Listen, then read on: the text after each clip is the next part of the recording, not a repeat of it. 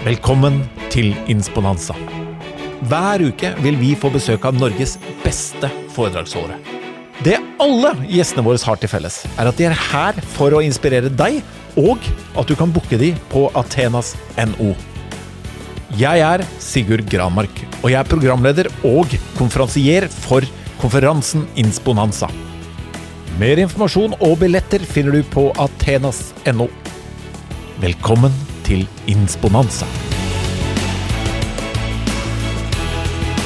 Dagens tema og dagens gjest er, eh, det er helt glimrende. Fordi med selvangivelser, med ferier vi skal inn i, og har eh, en korona hvor folk både Noen har brukt mer penger enn de skulle, pga. de trodde de hadde mer penger enn de eh, hadde siden de ikke hadde dratt på ferie. Men i hvert fall, Lene Drange hun har ja, Du har sett henne på Luksusfellen. Hun driver eh, Snap på Insta-kontoen, Snaponomi. Hun har Altså, det hun brenner for, er det du trenger å lære mer om. Altså privatøkonomi. Vi skal også innom sosiale sosiale medier. For det litt i forpraten her så overraska hun meg med at hun kan det også. Så Lene Drange, hjertelig velkommen til Insponanza.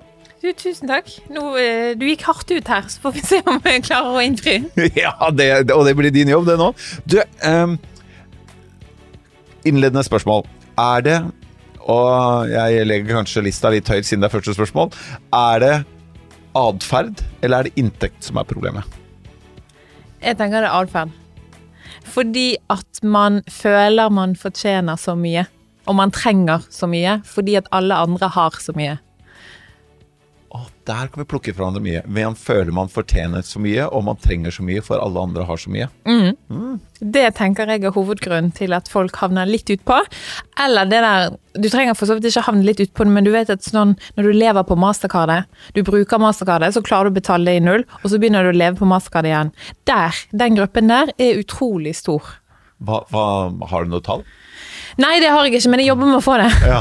Nå, eh, jeg, prøver å få, jeg prøver å samarbeide litt med Oslo OsloMet. De skal jo forske litt på eh, privatøkonomi og atferd rundt det. Eh, og så har jo vi et arbeid i Verdistiftelsen der vi spør unge om deres forhold til penger i forbindelse med skolebesøk. Og at vi kan samle inn litt data, og akkurat der er den tematikken ganske interessant. da. Ja. Og hvor gammel, Er det 18 år man må være for å få mastercard, eller er det 20, eller jeg vet ikke engang? Ja, det er 18. Du er 18, må være myndig. Da ja. regner det inn med tilbud om kreditt i alle mulige kanter. Det er skremmende. Hvordan er det unge i dag? Økonomi? Du, hvis vi starter der, da. Ja. Sånn aldersmessig. Altså, mm, du har besøkt uh, masse skoler. Driver og startet Verdistiftelsen. Veldig bra. Du skal uh, utdanne de unges uh, hoder om hvordan de bør bruke pengene sine og investere de. Hvordan er det i dag? Hvordan står det til? De unge er ehm, Når vi kommer, så er de litt sånn åh, økonomi, kjedelig, snork, budsjett, ok, hva skal vi lære da? Ukeshandel, liksom. De er litt der, da. Så du har ikke helt oppmerksomheten deres fra starten. Mens etter hvert, da, når de skjønner at vi snakker om, eller jeg snakker om økonomi på deres nivå, sant? hvordan skal de få seg jobb, hvordan skal de tjene penger, hva skal de gjøre? Og vi holder det liksom litt nedpå at bruk pengene på ostehorn hvis du vil, eller sjokomelk, eller du kan spare, det er opp til deg, da. Men bare sånn dette er de store linjene og sånn, så blir de veldig interessert, og da ønsker de å lære. Ja. Så det er faktisk veldig interessant. De tenker at dette er viktig for meg, da, og dette trenger vi. Hva er de mest opptatt av? Hva er den som går igjen? Er det, er det renter og gjeld, eller er det investeringer? Det er investeringer. De skal ja. bli rik. Ja. Og det er sånn gjennomgangen, for det er jo en sånn generasjon som er perfekt og skal prestere på alle plan. Og i utgangspunktet tenkte jeg at det var sånn typisk sånn gutter som var sånn ja, ok, jeg skal få meg noen aksjer på børs, jeg har sett Exit, det er liksom Men det er litt feil, for det er begge kjønn. Det er både jenter og gutter som skal liksom inn på markedet og investere i litt krypto, investere i litt aksjer, og så skal de liksom klare det. Ja, jeg har jo en 16-åring eh, hjemme. Mm. Eh, som, ja, vi står jo Exit sammen. Eh, vi likte Exit. Og da tenkte mange tror jeg tenkte at det her er jo preventivt. ikke sant? Det er dop, og de går jo helt på trynet til slutt. Og helt sånn forkastelig moral. Men nei da, han skulle jobbe med finans. Ja, ja, ja. altså, han er helt selektivt med hva han ser her. Han så ikke det. Han så fine biler, fett hus og turer til eh, Monaco. Og, men han 16-åringen min, han, eh, alle andre også, følg eh, Lene på, eller følg Snap-an om meg, kontoen hennes. Fordi det han kom til meg nå og sa at er hvordan, Hvor er sparepengene mine? Så sa jeg har du sparepenger? Ja, det bare antok han.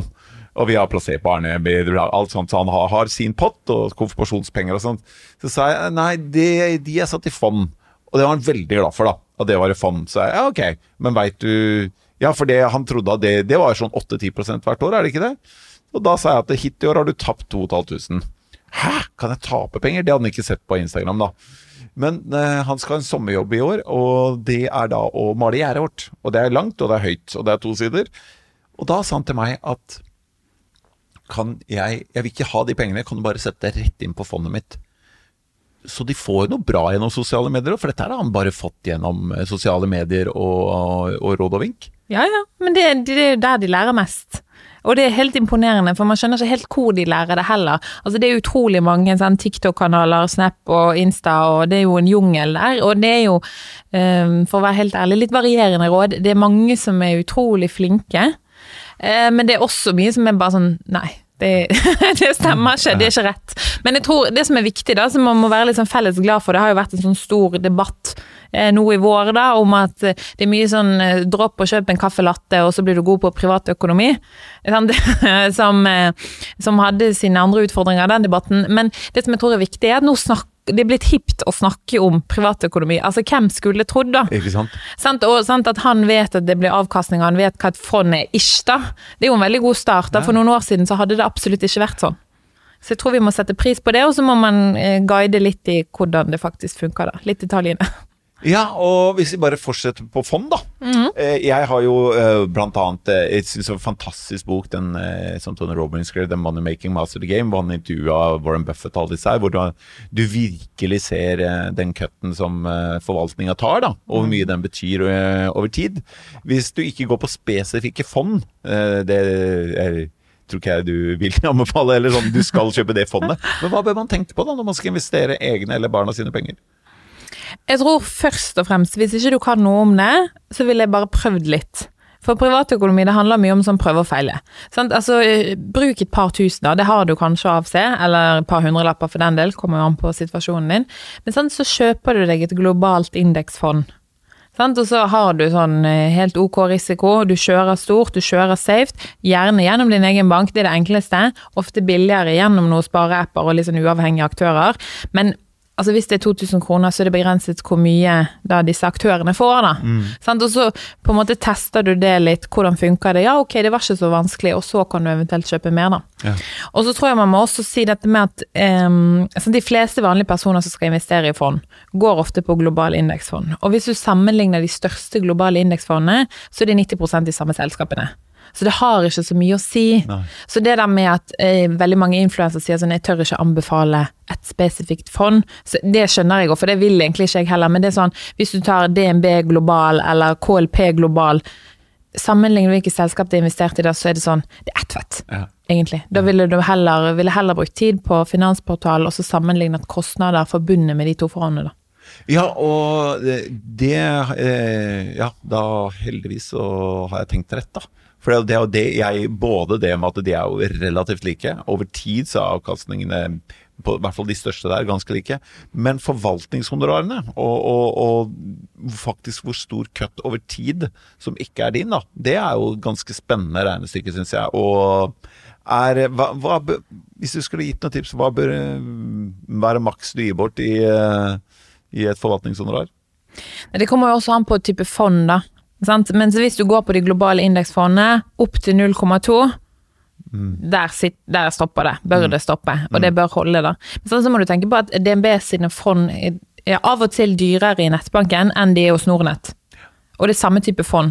Så det er sånne sånn skeive, rare fordeler. Og så er det veldig mange eh, f.eks. sånn um, fagforeninger som får tilbud da, på noen enkelte fond. Sånn, så du må det samme som du gjør med boliglån og forsikring og disse tingene. Du må liksom utnytte litt de fordeler du har, og så må du sette ting litt opp mot hverandre da, og gjøre litt sånn research. Ja. Men det er derfor jeg tror det er veldig viktig å begynne i det små, og så gjøre litt ok, hvordan funker dette, hva gjør jeg helt i praksis, logger inn i nettbanken, kjøper de fondene via en aksjesparekonto, som man også må ha, ah. som er det uendelige spørsmålet, sant? har jeg det, får jeg det, hvordan blir det? Um, og så jobbe seg videre oppover da, og så lære litt i det. For det er faktisk litt gøy, da. Og til og med de unge som, er, som jeg snakker mest med, er liksom wow, ja, det var ikke så dumt, det der. Det var ganske interessant. Og kanskje det Man må kanskje være 18 da, for å få egen nettbank. Men det er jo det som jeg, når, bare basert på det du sier nå, at jeg skal jo garantert, når øh, han blir 18, som har den lille interessen, lage en lite fond for han kan få lov å trikse og mikse litt innafor et veldig lite beløp, men man faktisk bare gjør litt disse transaksjonene. Fordi husker jo bare selv med VPS-kontoer og det, For to år siden skulle jeg ordne det på bedriftskontoen, og fortsatt da så drev DNB at jeg måtte sende inn i posten, liksom. Så de gjør det ikke kjempelett for seg selv, eh, disse bankene heller, når du skal begynne med dette her. Nei, nei, nei, nei. Det er så, det er så. Eller det er ikke så lett. Men akkurat det der med at det kommer nå, da. Dette er breaking news. Come on. nå kan man eh, snart begynne med fond under 18. Ah, At du kan begynne å trade litt sjøl. For før er det jo ofte sånn du kan sette fond, eller penger i fond i barnet sitt navn, men det er begrenset hva de kan gjøre. Sant? For det er det ofte foreldrene som styrer det de kjøper og selger. Men nå kommer det. Og det som også kommer, dette er rykter da, fra finansnæringen. Det høres veldig viktig ut, men jeg syns det er veldig gøy. da. Det er også dette her med at du kan spare fond sammen med noen. Sant? For det er ofte sånn at hvis du sparer i fond til barn, sant, så står du enten i mor eller far sitt navn, og så er det Altså For de fleste så går jo det greit, men det er litt sånn Ok, hva hvis vi skilles, hva hvis det skjer et eller annet, så står det i ditt navn, og hvordan blir det med de pengene, og man føler ikke helt man har kontroll. Så nå kan man faktisk gjøre det sammen. Og det tenker jeg også er fint for f.eks. kjærestepar eller andre som har en sånn langsiktig sparing frem i tid til vi skal bli pensjonist, eller vi skal kjøpe bolig, eller et eller annet sånt. Så det skjer ganske mye jeg kan ikke si revolusjonerende, jeg kan si det. Ja. Men for, oss- for oss som lever i denne verden, så, Ja, så er det det, da. Det er veldig mye gøy. Det er ikke bare det at eh, pensjonsbevisene skal samles. Nå kommer også dette med fond, som blir mye mer aktuelt for alle i hverdagen. Ja, og jeg tror det eh, når det gjelder også det pensjonsbevisene, da, at alt det de gjør her, og sånne som deg, og det å hjelpe folk, og det å og også kanskje få pusha på litt for å gjøre dette her enklere og mer oversiktlig, det er kjempeviktig. Eh, pensjon, hva tenker du? Du nevnte pensjon. Eh, Ja. Hva gjør vi? Hva bør vi tenke på der? Nei, Dette er jo standardspørsmål, antar jeg, men det er mange er opptatt av det. Ja, ja. Nei, altså jeg tenker ikke begynn å stresse med det for tidlig. Nei. Det er et viktig tips. Kjør heller på fondssparingen, eh, og så samler du alle avtalene dine. Det er veldig lett. Sant? Altså den nye aktøren din. Eh, nå var det sånn at eh, Kron kom strålende ut i eh, den nye kåringen til Forbrukerrådet. Det er jo bra, sant? men sjekk inne på Finansportalen. Får du uavhengig tilbud, sjekk med banken din. Og så er det jo sånn når du får et tilbud, så kan du prute på det. Ja. Du kan si nei, eller du kan si gi meg en bedre deal. Det må vi også bli veldig mye flinkere til. Ja. Men du må samle alle, og så må du velge en profil. Du kan ikke ha den eh, valgte profil. Sant? For det er jo sånn hvor mye risiko du vil ta med pengene, hvor mye avkastning kan du få. Sant? Er du ung, så kjører du høy. Er du litt eldre, så kjører du ned på risikoen. Ja, og jeg er jo egentlig ja, kanskje litt eldre, da. Men jeg har de siste Jeg er jo rett under 50, men jeg har jo de siste ti årene kjørt på maksrisiko. Og, og har tenkt å fortsette med det i hvert fall i seks-syv år til. Eh, Hva tenker du? Dumt? Nei, så lenge du er bevisst på det, så tenker jeg det er greit. Men eh, jeg snakket med papp siden dagen, han er nå blitt 60. Han er sånn nå, så må jeg roe risikoen på Ja. pensjonen min. For nå har jeg bare et par år igjen. Til han går av. Synes ja, ja. han skulle stryke med, men, ja. ja. men liksom sånn så, så, så lenge man er bevisst, så tenker jeg kjør på. Jeg er jo veldig glad i risiko, da. Ja. Eh, Men du må jo føle litt på det sjøl. Og så kommer jo det an på hva du ellers har. Sant? Hvor mye gjeld har du, hvor mye har du i fond, hvor mye har du i Så det er jo en sånn totalvurdering. Ja, og du, Hvis du sier at du er litt risikovillig, da, hvis du sier at du er glad i risiko, hva er det vi ikke bør gjøre? Hva er det du må si fra til deg selv at, at Alene, nå blir du ivrig her. Det her har du sagt til deg selv at dette her skal vi ikke investere i, eller dette skal vi ikke bruke pengene våre til. Hva er no goes? Jeg er jo på krypto at det er no go, Ja. for det er jo helt bananas. Men samtidig så gjør jeg jo det litt for å bare vite hva det er. Altså for å liksom lære litt og sånn. Men, men jeg tror den vanligste feilen som mange gjør, og som jeg også egentlig gjør litt sjøl, det er å eh, satse alle pengene på ett område, nesten. Ja. Sant? Og det er jo sånn bolig. Hvis eh, boligmarkedet her i Oslo sprekker, eller at det skjer noe Det er jo begrenset hvor mye det kan sprekke, da, så kontrollert som det er. Men, men å satse alt på det, og så ha sånn som vi så nå i korona, sant? du blir plutselig permittert, hva skal du gjøre? Der, det er vanskelig, da, så du bør satse på flere markeder. Det er det viktigste, tror jeg. Ja, spre det. Mm. Eh, ja, og krypto er jo Jeg vet at det er en som sitter med lyd og teknikk som lytter veldig på dette her nå. Kryptoprodusenten. Eh, altså det, I forrige uke var jo en rollercoaster fordi en kryptovaluta Altså, kort, hva er det? Hva er kryptovaluta? Det er jo en digitalisert valuta. Sant? Som eh, egentlig kom etter finanskrisen i 2008, eh, der man kanskje fant ut at eh, det er ikke alle banker og alle styresmakter man kan helt stole på. Så denne var liksom uavhengig av alle. Og så er, det, sant, så er det dette med blokkjede, og man kunne jo hatt en hel podkast om dette og snakket om dette i timevis, for det er ganske interessant. Men det er mye, mye bra med det.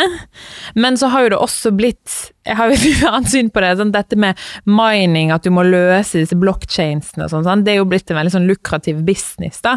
Og så er jo det sånn i Norge så bygges det jo x antall sånne store konteinere og haller der det står, og så tjener du gode penger på det fordi at det er billig strøm i Norge. Eh, og det er sånne ringvirkninger, og du får arbeidsplasser ute i distriktet kanskje, men så ser man hvem som er eierne av disse, og det er kinesere og russere, og det er litt sånn er vi litt naive i lille Norge, da. Eh, så det er jo litt sånn blandet. Men, eh, men krypto er det er jo et investeringsobjekt. Det skulle jo egentlig bli en betalingsform, og det er jo det delvis, for du kan jo også bruke det til vanlig når du handler enkelte steder, men, men det er jo som investeringsobjekt det har blitt størst, egentlig. Ja. Men har du troa på det som en eh, ikke handelsvare, men, men altså, som en, en valuta? Tror du at det går dit? At vi Jeg tror det går mot kryptert valuta, at vi mister litt kanskje dollar og kroner og euro og sånn etter hvert. Eh, at man får mer den formen, men du kan jo også forandre mye av den valutaen som er, da. Eh, men akkurat det, hvem vet hva som skjer. Det blir spennende. Ja, og eh, jeg har jo jeg prøver å følge med. Syns det er eh, klin umulig, for at det, det, går så fort. En gang føler jeg at det nesten er litt sånn derre gangstervaluta, og, for det er det man alltid skal ha betalt til, til at uh, igjen disse som går på videregående kommer tilbake hjem og er helt superfrelst og vi har vel penger i krypto, har vi ikke det? Ja. Nei, det har vi ikke. Så. men, men, så jeg leste en sånn, en sånn, rapport fra Det var en blanding fra Det var en fra Princeton som snakket om dette. Det var kryptoboblen, da, som han kalte det. Så var han litt sånn Når til og med bestemor har krypto, så er du for seint ute. Da er det begrenset hva du kan tjene. Mm. Og det er egentlig litt godt sagt. For det er litt sånn eh, Toppen er jo kanskje nådd. Ja, ja og det, det, det, får vi jo se. Jeg, jeg vil i hvert fall be folk sjekke ut Jeg tror det lures man gjør når det gjelder det, i hvert fall les litt før du kjøper det. Og sett deg inn i det og vite hva du er med på. Fordi der går det fort. Og tror jeg det, igjen den der gylne regelen ikke investere mer enn du har råd til å miste og kan fortsatt smile. Så er De fleste smiler jo ikke når de taper penger, men da har du i hvert fall lært litt om det. det er en ja, del taper jo penger uten å ha lært. Ja, ja, men sant, og det der, sant, er du veldig giret på krypto og vil det, sant, avse noen tusen, test det, ja. kjøp det, se hvordan det går. Kjøp litt ulike, litt Moneros og litt eh, bitcoin og litt sånn forskjellig, så sjekker du i hvert fall hvordan det funker. da. Kommer veldig langt med det. Og eh, hvis vi går fra Jeg tror ikke det er krypto som er, eh, er største problemet der, men jeg, nesten all økonomi for meg blir på en måte sånn atferdsøkonomi. da. Det er jo, jeg mener liksom det du, Når de ser deg på jobb på TV, så, mm. og du ser dere klistrer opp Jeg vet ikke om dere gjør det lenger, da, men tidligere klistra opp tusenlapper, så tenker du liksom Altså Inntektssiden her, du har faktisk en ganske ålreit inntekt, men uh, atferden din, det er liksom du kan fortsette og fortsette og fortsette. Dette, det kommer aldri til å komme i mål, da. Uh, punkt én, eller spørsmål én. Hvordan havna du i luksusfellen? Å, oh, det er en interessant historie. Eller, ja. Eh, nei, jeg søkte på Finn, da. Sånn som alle gjør når de skal få seg jobb. Det var, Jeg studerte, jeg gikk siste året på, på master der oppe. Jobbet i Kredinor. Var trofast Luksusfell-fan. Syns det var noe deilig med å se på det. Litt sånn, og man, litt sånn god selvfølelse at ok, det er i hvert fall ikke så gale etter en helg på byen, liksom. Um, og så søkte de en økonomisk researcher til redaksjonen. Eh, og jeg kom opp der og søkte, og da var liksom på jobbintervjuet var det sånn Kan du lage et budsjett med disse tusenlappene på den tavlen? Syns jo det var sånn veldig artig jobbintervju. Ja. Så hvorfor ikke? Så jobbet jeg da der i redaksjonen litt, og så etter hvert da ble jeg programleder. Så det Og var det noen som sa Kunne du tenkt deg å prøve deg litt som programleder, eller er det en som ble syk, eller var det bare sånn Nei, det var jo litt I starten så var jeg litt sånn ja, nei, jeg vet ikke helt, det er ikke helt for meg. For jeg syns jo faktisk at det å lage de løsningene til deltakerne og det arbeidet som er rundt der. Og så har jo vi gode kontakter med namsfogden i Oslo og Bærum, statsforvalteren, altså alle de som styrer og kontrollerer og som har egentlig mye mer kompetanse enn det vi har sånn når vi møter spesielle utfordringer, for vi har jo caser som er liksom De er ikke helt vanlige, da. Sant? Og det er mye feil som skjer, og det er ulik kompetanse hos ulike inkassoselskaper. Ja. Altså det, det, den jobben syns jeg er best, så i starten så var jeg litt sånn ja, nei, jeg vet ikke helt, og så etter hvert så var det sånn ja, fuck it, hvorfor Ja, ikke, ja, liksom. ikke sant? Det handler jo om det. Ja, for. Vi, begynte å, vi begynte å intervjue nye programledere, og så hadde vi sånn For vi lagde jo Hotell Cæsar der oppe også, så hadde vi prøvespilte vi, så var jeg deltaker, og så var det da nye programledere som var med, så var jeg litt sånn ja, ok, men hvis de kan klare det, så kan sikkert jeg òg klare det, egentlig. Kult. Så det er litt tilfeldig. Ja, men, men, ja, men man må våge, da. Jeg er jo, den historien der, altså den første delen her, er jo minst like spennende for meg som selve luksusfellen. Jeg liker at folk våger og prøver, og som du sa, fuck it, bare gjør det. Men eh, ja, og når du kommer i luksusfellen her, da møter dere alt mulig. Men hva, hva er det vi sliter med? Hva er det du ser er gjengangeren her i, i privatøkonomien? Det er jo det at de ikke har lært noe. Altså det er dårlig kunnskapsnivå. Eh, sant? Du flytter gjerne ut tidlig, eh, skal starte voksenlivet. Eh, så får du deg et billån, et kredittlån eller kredittkort, forbrukslån, et eller annet. Og så havner du bakpå ganske fort. Og så klarer ikke du helt å Altså jeg tror at man har tre ulike pengepersonligheter, da. Eh, opp gjennom luksusfellen, altså hvordan man bruker penger. Sånn, Man har en som eh, som jeg har likt å kalle for brukeren. Dette er ikke noe forskning, dette er min, min forskning, på en måte. Ja. Eh, sant? En som er brukeren, som er sånn, bruker pengene med en gang de kommer inn på konto. Sånn, man kjenner alltid en, eller kanskje man er det sjøl, som er sånn ok, på fredag er det lønn, ok, da skal jeg ut og spise, og så skal jeg kjøpe den og den tingen, og så bla, bla, bla. Sant? Sånn at allerede på mandag så er det ganske skralt på kontoen igjen. Sant? Og det er en typisk luksusfelle. Du, du lever liksom på de pengene før du faktisk får dem. Ja. Men så har du en som er nummer to, som er um, telleren. Ja, som uh, på en måte har mye mer kontroll. eh, Men som også liksom liker å bruke penger. Men så når det er gått ca. tre uker, da, altså når det nærmer seg lønn igjen, så er det tomt. Ja. Som klarer det sånn nesten. Og så begynner man på kredittkortet. Og så er det en som er spareren som ikke bruker penger i det hele tatt, som egentlig bare sparer, og der bare vokser, eh, vokser pengene, da, egentlig. Så jeg tror jo at hvis man ser litt på de ulike pengepersonlighetene, og så ser du da også på hvordan man bruker pengene, altså atferden rundt det, og impulskontroll rundt det, så er veldig mye sagt. Og jeg tror hvis du blir bevisst da, på hvilken pengepersonlighet du er, så kan du velge å ha det sånn, eller du kan velge å endre det. Og så kan man bygge opp et system i egen privatøkonomi som tilpasser den pengepersonligheten du er. Var det brukeren, telleren og spareren? Mm. Kult. Eh, Hvis du skulle eh, eh, Igjen, jeg vet ikke at dette ikke er forskning, Lene, men hvis du skulle prosentgitt Er det 10 brukere? Er det sånn typ, er, hva vil du, gjøre, er det det er nok- én av ti, eller er det mer? Eh, jeg tenker at det er nesten ja, 40% kanskje. Ja. Oh, shit, det er såpass, ja. ja, men for det er veldig mange som er sånn Jeg fortjener det. ja.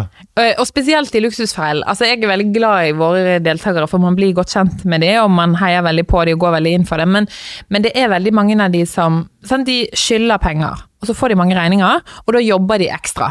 Og de jobber og jobber og jobber, de lever i en konstant krise, men hvis de da jobber og jobber og jobber, så fortjener de snus. De fortjener å kjøpe liksom, lunsj på butikken eller på bensinstasjonen og sånn.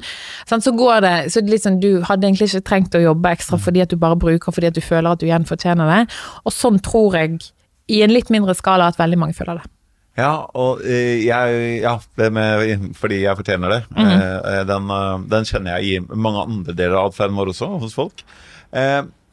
Ser du, og igjen, det, vi presiserer at det, det, dette er ikke forskningsbasert alle svarene vi gir her, vi mener noe. Har, eh, ser du at eh, atferden til bruken, telleren og spareren, da, ser du at det er det isolert til økonomi, eller ser du det sånn type i relasjoner, i forhold, i orden, i hvor ofte de bytter jobb, eller eh, kan det isolere det til økonomi?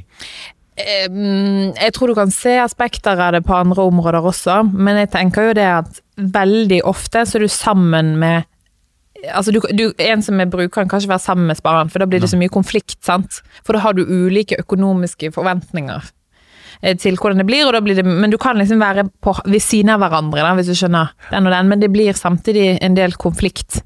Samme som jeg, jo, min samboer er jo han fra Sunnmøre, da. sant?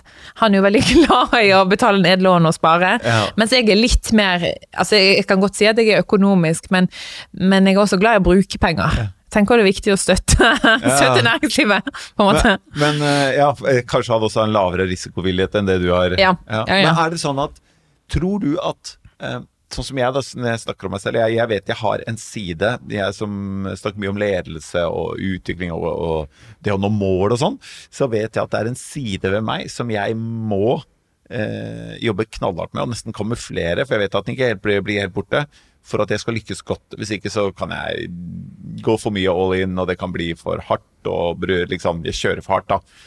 Er det litt sånn med, med at Sånn som du sier, at du er mer glad i å bruke penger. At du, hvis du bare hadde sluppet opp, da, litt sånn for lyster, og, ikke hadde, og la oss si du hadde vært utdanna markedsfører, da, så kunne du også havna i, i økonomisk uføre, eller? Ja Ja. Ja. kanskje. Altså Nå skal det jo sies at eh, For jeg har jo drevet eh, min egen business nå i ja, det er vel en fire-fem år, liksom. Eh, og det har vært veldig usikre tider, og eh, det har vært veldig varierende inntekter. Så det som nå har jeg virkelig følt på, spesielt nå i korona, når det for luksusfell har liksom vært en sånn fast inntektskilde, og så har det nå variert veldig. og Det har jeg egentlig følt veldig på at nå er kanskje risikoen nådd. Jeg trodde den var enda drøyere, men nå var det litt deilig å kjenne på at ok, nå her stopper det, liksom. Når man ikke vet hva man får inn neste måned eller denne måneden, det holder på risiko, da. på Ja, ja, ja det, det forstår jeg veldig godt. Ja. Hvordan er det å være gründer, syns du? Ehm, nei, det funker Altså, korona har ikke vært bra for det, men Nei. nei, men nei, det funker. Eh, Vi har jo fått anledning til å Altså, jeg begynte litt på skolen, har fått mye tid. Å ja, hva har du gjort? Nei, ta litt masterfag igjen, da. Ja, Tenker å eh, lære litt, fylle litt på. Hvilke fag? Mm, akkurat nå er det prosjektledelse. Så nå skriver jeg en oppgave om TV-bransjen. Mens hun foreleseren hun er litt sånn 'Å, herregud, er det sånn bransjen fungerer?' Det er jo interessant, for alle andre skriver om å bygge vei eller bygge et eller annet annet statlig IT-prosjekt. Um, og så har vi da, meg og Hallgeir, som også da har mye tid, Ja. fra Luksusfellen, begynt et inkassoregister. Ja, fortell om det. Ja, eh, vi har blitt oppsøkt av to serie tech-gründere, utrolig flinke folk, som har eh, lang historikk på det området, som eh, fant litt ut at ok, skal vi Hvordan får man egentlig oversikten over hele sin gjeld, altså inkassosaker og alt, i Luksusfellen? Kan vi, kan vi lage noe på det? Og det er jo ikke noe sånn revolusjonerende ideen i seg sjøl. Eh, for det er jo sånn, vi fikk gjeldsregisteret for et par år siden kan du søke opp alle kredittkortforbrukslån du har. Det er for så vidt greit, men samtidig vår erfaring fra luksusfellen er jo at du ofte har en 100 150 000 i ubetalte inkassosaker i tillegg. Sant? Og når vi skal finne den, så er det sånn, da sender vi mail. eh, Med fullmakt. Vi tenker ikke mye på GDPR. Vi gjør det så godt vi får det til, på en måte. Eh, Og så får vi kanskje oversikten i løpet av en ukes tid, da. Så nå har vi tenkt at man kan få den oversikten. Du kan integrere, alt er sikkert, alt er orden, eh, så får du den på ti minutter kvarter. Spennende. Mm. Så- Tidslinjer? Nei, vi skal ha eh, pilotprosjekt nå. eh, I andre kvartal. Og så håper vi på at det er oppe fra høsten av, da. Ja, Ja, ja, spennende. Lykke til med det. Jo, takk. Får håpe det går. Ja, det, det, det skjønner jeg når man, eh, når man bruker mye tid på det. Men det, det, eh, det å være gründer og Du fortalte jo her Du er jo den eh, Jeg sier Min alder sier snaponomi. Det er snaponomi. Eh, snapponomi, og ungdommen sier snapponomi. Ja. Så jeg fikk en kort innføring her. Da har jeg fått sagt konto, kontoen din på forskjellige språk. Følg, gå inn på Instagram. Eh, men altså dette med sosiale medier. Vi, eh, det syns jeg var gøy at du brakte på bane rett før vi gikk på her. At du også rådgir litt på det. Hva tenker du rundt det? Hva bør vi lære der? Hva bør vi være opptatt av? Enten hvis du øh, ja, bare driver en konto. Selskaper baler jo masse med dette her. Og en veldig ålreit refleksjon jeg har gjort meg, er at en del av de selskapene og de voksne menneskene som rådgir selskaper, de har jo knapt følgere selv. Der er det liksom 800 følgere, og så tar du masse penger for å lage en sosiale mediestrategi for et selskap. Så her også er det jo litt som du sa i stad, hvem skal man faktisk lytte til? Hva tenker du? Nei, jeg tenker at eh, Eller det, vi føler jo vi har lykkes. Det var sånn fordi at eh, jeg hadde veldig mange følgere på Snapchat. Jeg hadde ikke noe sånn klar visjon eller strategi, eller det var litt sånn ok, vi snakker om økonomi, jeg sparer på det folk spør om, litt sånne ting. Eh, Og fort så ble jo det en 200 000 følgere, ganske sånn kjapt i løpet av et år. Det ble jo helt eh, vanvittig med henvendelser, Ja. så det var litt sånn ok. Men så det som er ulempen på Snap, er jo at ting forsvinner, sant. Det blir jo ikke liggende. Det forsvinner ganske fort, så da tenkte jeg at Instagram var ganske lurt. Og så ble jo jeg helt overveldet av dette, og det var litt ulike prosjekter og sånn, så da ansatte jeg Flotte Therese som Ja, men altså, det var jo sånn enten må man legge ned, eller så må man For man kan ikke ha det som jeg tror eller mange selskaper også tenker er at det er ikke vits i å ha sosiale medier hvis ikke du driver det. Altså Du må bruke tid på det, og du må bruke mye tid på det. Men da lykkes du også. Som regel.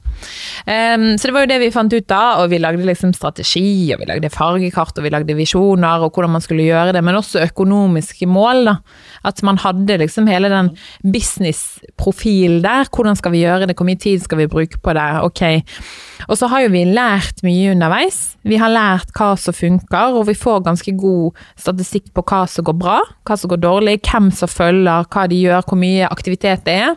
Så nå har vi en veldig sånn trofast følgerbase som uh, følger med og sender inn meldinger og sånn, så vi får jo ganske mye respons på det meste, da. Så det er imponerende og ganske gøy. Man blir som venner. Ja, og når, man eh, begynner å få følgere, det jeg tror mange, og spesielt en viss generasjon, da, lurer på, er når begynner man å tjene penger? Er det en sånn Jeg har jo sett noen statistikker som sier at eh, 20 000 på Facebook, Snap og Instagram, bla, bla, da tjener du det. 50 eh, 000 følgere, så tjener du det. Eh, er, er, det. er, det. sånn Instagram fungerer, eller er det bare hvor god du er til å selge sponsoravtaler? Eller? Det er jo hvor god du er å selge sponsoravtaler, hvor god du er på å forhandle. Um, og så, jeg vet ikke, vi har jo tjent litt på at jeg har jo en del kontakter i utgangspunktet som man har hatt andre, andre samarbeid eller ja, annonseting med, eh, som er litt sånn ok, vi kan bruke det, jeg kan være på deres hvis dere kan være på mine, typ hvordan man gjør det. Og så er jo det en forhandlingssak. Men eh, jeg jo, får jo stadig vekk beskjed om at vi er dyr, da. Eh, vi er dyr med få følgere. Men samtidig så er alle etterpå så viser det seg at ok, men de er ganske trofaste, så de er veldig med på det du eventuelt selger. Eh, og så er vi veldig på veldig, det er ingen forbrukslån, det er veldig sånn selektivt hvem vi samarbeider med. Da. Så vi sier mer nei enn ja til folk eh, for å lage annonser og innhold. Og så er det veldig viktig at man tar de samme over tid. Da. Ja, for en, det har jeg jo forstått ganske tidlig, at en følger er jo ikke en følger. Nei. Eh, og hva er, eh, hva, hva er Kall det visjon, misjon med én. Jeg vil vite eh, på um, verdistiftelsen. Mm. Hva er liksom, Du sa at sette oss konkrete mål. Hva er typen mål og visjon, misjon? Det kan du velge hva du vil fortelle. Og også med snapnomi. Hva, hva ønsker du å oppnå med, med verdistiftelsen? Um, nei, altså det er, jo, det å lære de unge om økonomi på deres måte. Eller på deres premisser, er det egentlig. Eh, det er det vi skal. Eh, og så får vi litt drahjelp fra De har fått et nytt fag på skolen. Livsmestring. Mm. Eh, det handler om psykisk helse, det handler om privatøkonomi. Eh, I privatøkonomidelen, det har ikke noe pensum, så det er jo dumt. Derav kommer jo suser Verdistiftelsen inn på banen! Hallo, vi rekker opp hånda og tar den. Ja, vi, vi tar den. Ja. Eh, så vi har jo besøkt en 2000 elever på videregående nå, i dette skoleåret. Alle sånn Kom tilbake til neste år i samme faget, for vi har sikkert ikke pensum da heller. Og så får håpe at de var fornøyd med litt mer enn det, da. ja. Mm. Det er viktig. Og, så der er det å utdanne eh, på Verdistiftelsen, utdanne unge, få de til å forstå privatøkonomi. For øvrig veldig glad for det faget livsmestring. Ja, veldig bra. Det er kjempefint at du har fått inn det. Uh, snappanomi, snappa, snappanomi. Jeg merker at jeg har lyst til å si det egentlig amerikansk. Det skal jo sikkert bli globalt. Det, jeg ja. antar at du starter med Norge. Men hva ønsker du å oppnå der? Er det mer enn en business-side for deg, eller det, har du en sånn type større tanke bak det? Å, det var et vanskelig spørsmål, for det, der, jeg har ikke klart å bestemme meg enda. Men det er jo litt Altså Grunnen til at det startet, var jo fordi at når jeg begynte i Luksusfellen, når du er på TV, så får man veldig mange henvendelser øh, fra alt mulig slags ting. Altså Du får veldig mye gamle menn, som ikke er så hyggelig, men også unge som lurer på helt konkrete økonomiting. Og da var jeg litt sånn ok, men det er de jeg vil snakke med, da må jo man møte de der de er. Sånn, så det er jo blitt et svar på deres eh, henvendelser, egentlig. Eh, så det er jo litt det der at folk skal bli eh, Det er jo å opplyse folk. Eh, at folk skal være litt mer på. Eh, og at man ikke skal være så naiv, da. Sant? Jeg har jo en liten sånn, nå, en liten sånn feminist i meg, ja, som stadig vekk kommer frem med det. Som er litt sånn kom igjen, men også det der med at man skal være litt Du skal tørre å snakke om penger. Ja. Altså sånn, Du skal tørre å spørre om mer i lønn, du skal tørre å prute på, re på, renten. Du skal også tørre, hvis du kjøper noen AirPods eller et eller annet greier som er ødelagt, så skal du tørre å gå tilbake igjen. At du ikke skal være konfliktsky. De tingene i hverdagen, at det skal bli enklere, da. Så den siste er litt vanskelig å svare på, egentlig. Jeg har ikke noe konkret svar, selv om vi det å opplyse folk egentlig som står. Men så kommer det litt an på hvilken dag det er. Ja, og hvis jeg skal tørre å gi deg ett tips mm. Du kan gjøre begge deler, vet du. Jeg tror veldig mange som glemmer businessdelen, får egentlig aldri nok butikk eller økonomi til å gjøre den den gode siden, den, om det er folkeopplysning eller den ideologiske siden de har ved et prosjekt. De tenker at hvis du blir så opptatt av penger, så, så blir det ikke kredibelt, eller det blir ikke troverdig, eller blir, intensjonene blir ikke gode nok. Mm. Men hvis du ikke tjener penger, hvis ikke du blir god Dette vet du, da, god økonomi over Ja. tid, så kommer du aldri til å klare å opplyse folk. Så jeg da ville i hvert fall sånn kvalitativt og kvantitativt hatt et ganske tydelig økonomisk mål med det jeg gjør, for at du skal klare å drive godt nok til det kvalitative målet, og nå ut til flest mulig. Um, er det noe sånn Jeg, um, jeg Vi går jo på pensjon, vi går på dette her, går forsikringene dine, vi går på, har kontroll på mastercardet ditt. Det, det hele, alt dette her vi snakker om, eh, og vi har blitt kjent med eh, brukeren, telleren og spareren. Og, men hva er det du tenker at Hvorfor spør ikke flere om det? Hva er det jeg burde spurt om nå som jeg ikke har tenkt på? Som ble, jeg går utover disse standardspørsmålene. Um, det er jo litt hvordan man skal organisere økonomien i et parforhold, f.eks. På sikt. Eh, Lene, hvordan bør man organisere økonomien i et parforhold eh, på sikt? Nei, men Det kommer jo an på. sant? Er du gift? Er du samboer? Hvordan gjør man det? Eh, ok, Hvem bidrar med hva? Hvordan skal vi gjøre det? Er det et fast beløp? Er det en prosent? Der, eller er all vår lønn vår lønn? Ja, men Eller- et eh, typisk for parforhold. Vi sier uh, 20, er du, Hvor gammel er du? 30. 30? Gratulerer med det. 30, Ja. Vi sier et par, 30 år, et barn, eh, nylig gift. Ja. Nei, altså det er jo sånn, ok, tjener man ulikt da? Hvordan skal man gjøre det? Det problemet der, å snakke om det, hvem skal bidra med hva, da blir det problemer og det blir konflikter. Eh, og spesielt når det er år etter år etter år, og da er det så utrolig viktig å ha snakket om det. Det høres jo litt sånn dumt ut, og det høres enkelt ut i teorien, men i praksis så er det vanskelig. Og sånn, det er mye mer penger i det. La oss si at du har vært sammen i ti år, da. En har tjent mer enn den andre. Man har ikke hatt noen sånn klar avtale om det. Og så skal man skille seg, som skjer med mange, da. Der er det så utrolig mye mer penger å tape enn å bruke liksom 3000 ekstra i måneden på matbutikken. da. Ja. Så det er der det ofte blir skeivt. Og så er det jo ofte sånn at um, Eller nå er jo jeg veldig involvert i folk sin økonomi der det ikke går bra. Ja. Sant? Og da er det ofte sånn at ok, nei, vi ble boende og vi holdt sammen i noen år fordi at ingen kunne kjøpe den andre ut av huset eller boligen, eller fordi at eh, man klarer ikke å komme seg inn igjen på boligmarkedet, spesielt i de store byene. sant? Eh, og så er det sånn, fordi vi har heller ingen klar avtale, sant? så kommer den bitterheten. Ja, men jeg har bidratt med mest. Eller ok, han hadde den dyre hobbyen, eller hun. sant? Eh, det må du ha på stell, for det, det er der pengene ligger, da. Og har man det i skriftlighet inn. Yes. Ja. Yes. Og hva bør man sånn Tre ting. Er, er det et sted man kan gå og finne noen sånne dokumenter? Er det noen sånne standardskjemaer man kan laste ned, hente? Er det hos deg? Ja, altså vi, vi, vi har jo laget noen sånne Vi har laget noen samboerkontrakter og sånn. Uh, og det er jo enten sant, så avtaler du et beløp begge skal bidra med inn, eller så er det også en prosent, sant, hvis inntekten er veldig ulik. Sånn at, og så må man være fornøyd med det. Det er sånn, ok, sånn gjør vi det, du bidrar med det, du bidrar med det, ok, flott. Liksom, eller at vår felles økonomi er felles økonomi. For du må i hvert fall ha snakket om det, sånn at i ettertid så kan ikke du gå tilbake igjen på det å være liksom delvis bitter, da. Bør et samboerpar prioritere å betale ned gjeld? Eller bør de prioritere å investere i fond? Det kommer helt an på risikoviljen. Eh, Men jeg tenker jo med så lave renter som det er nå, så følger man den normale nedbetalingstiden, og så kjører man på med fond. Fordi eh, hvis, eh, hvor Er det noe forsinkelse? Altså Hvis du har pengene dine i fond, så tenker du at hvis renta går opp, så selger jeg fondet, og så går- putter jeg de inn i å betale ned lånet. Hvis renta flyr av gårde. Nei, det ville jeg ikke gjort. Nei. Da ville jeg heller bare roet ned den videre sparingen i fond, ikke solgt de ut. Og så heller prioritert mer av den kommende lønnen, da. Eller inntekten i påbetalende. Og beholdt avkastninga i fondet Ja. samtidig. Ja. Um, hvor, hva er en sunn, eh, et sunt gjeldsnivå? Altså, jeg tror hvis du eh, har tre ganger egen inntekt, da, så er du god, liksom. Da har du veldig stabil økonomi. Ligger du på rundt 4% eller fire ganger egen inntekt, da, eller totalinntekten i husstanden, så kan du være godt fornøyd med at gjeldsgraden ikke er så høy, da.